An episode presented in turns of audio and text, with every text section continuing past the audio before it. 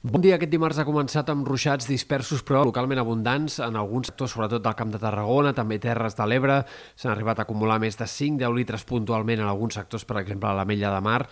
Aquests ruixats eh, apareixeran en altres comarques al llarg del dia, no és que hagin de ser molt presents, però sí que en punts del Pirineu, Prepirineu i fins i tot en algunes altres comarques prelitorals situades més al nord, a mesura que avanci el dia, hi aniran apareixent alguns ruixats dispersos um, que poden arribar a acumular quantitats similars o una mica fins i tot més abundants entre el Ripollès, el Berguedà o Osona. De fet, ahir vespre ja va ploure amb certes ganes també entre Osona i el Berguedà amb quantitats de més de 10 litres per metre quadrat. No és gran cosa, però com a mínim són alguns primers ruixats clàssics de la primavera. Aquest temps més variable i amb més intervals de núvols farà que avui el dia sigui una mica més fred. Les temperatures màximes es quedaran entre 1 i 3 graus més curtes que no pas ahir, però de cara a pròxims dies ràpidament el termòmetre tornarà a pujar i entre dijous i divendres tindrem màximes fàcilment 3, 4, 5 graus més altes que les d'avui, amb una calor avançada per l'època i més de maig que no pas d'abril. Compte, però, perquè les últimes actualitzacions dels models de previsió fan pensar en un canvi de temps al cap de setmana que faria tornar a baixar la temperatura de cara cara a Sant Jordi i, com a mínim, en els primers dies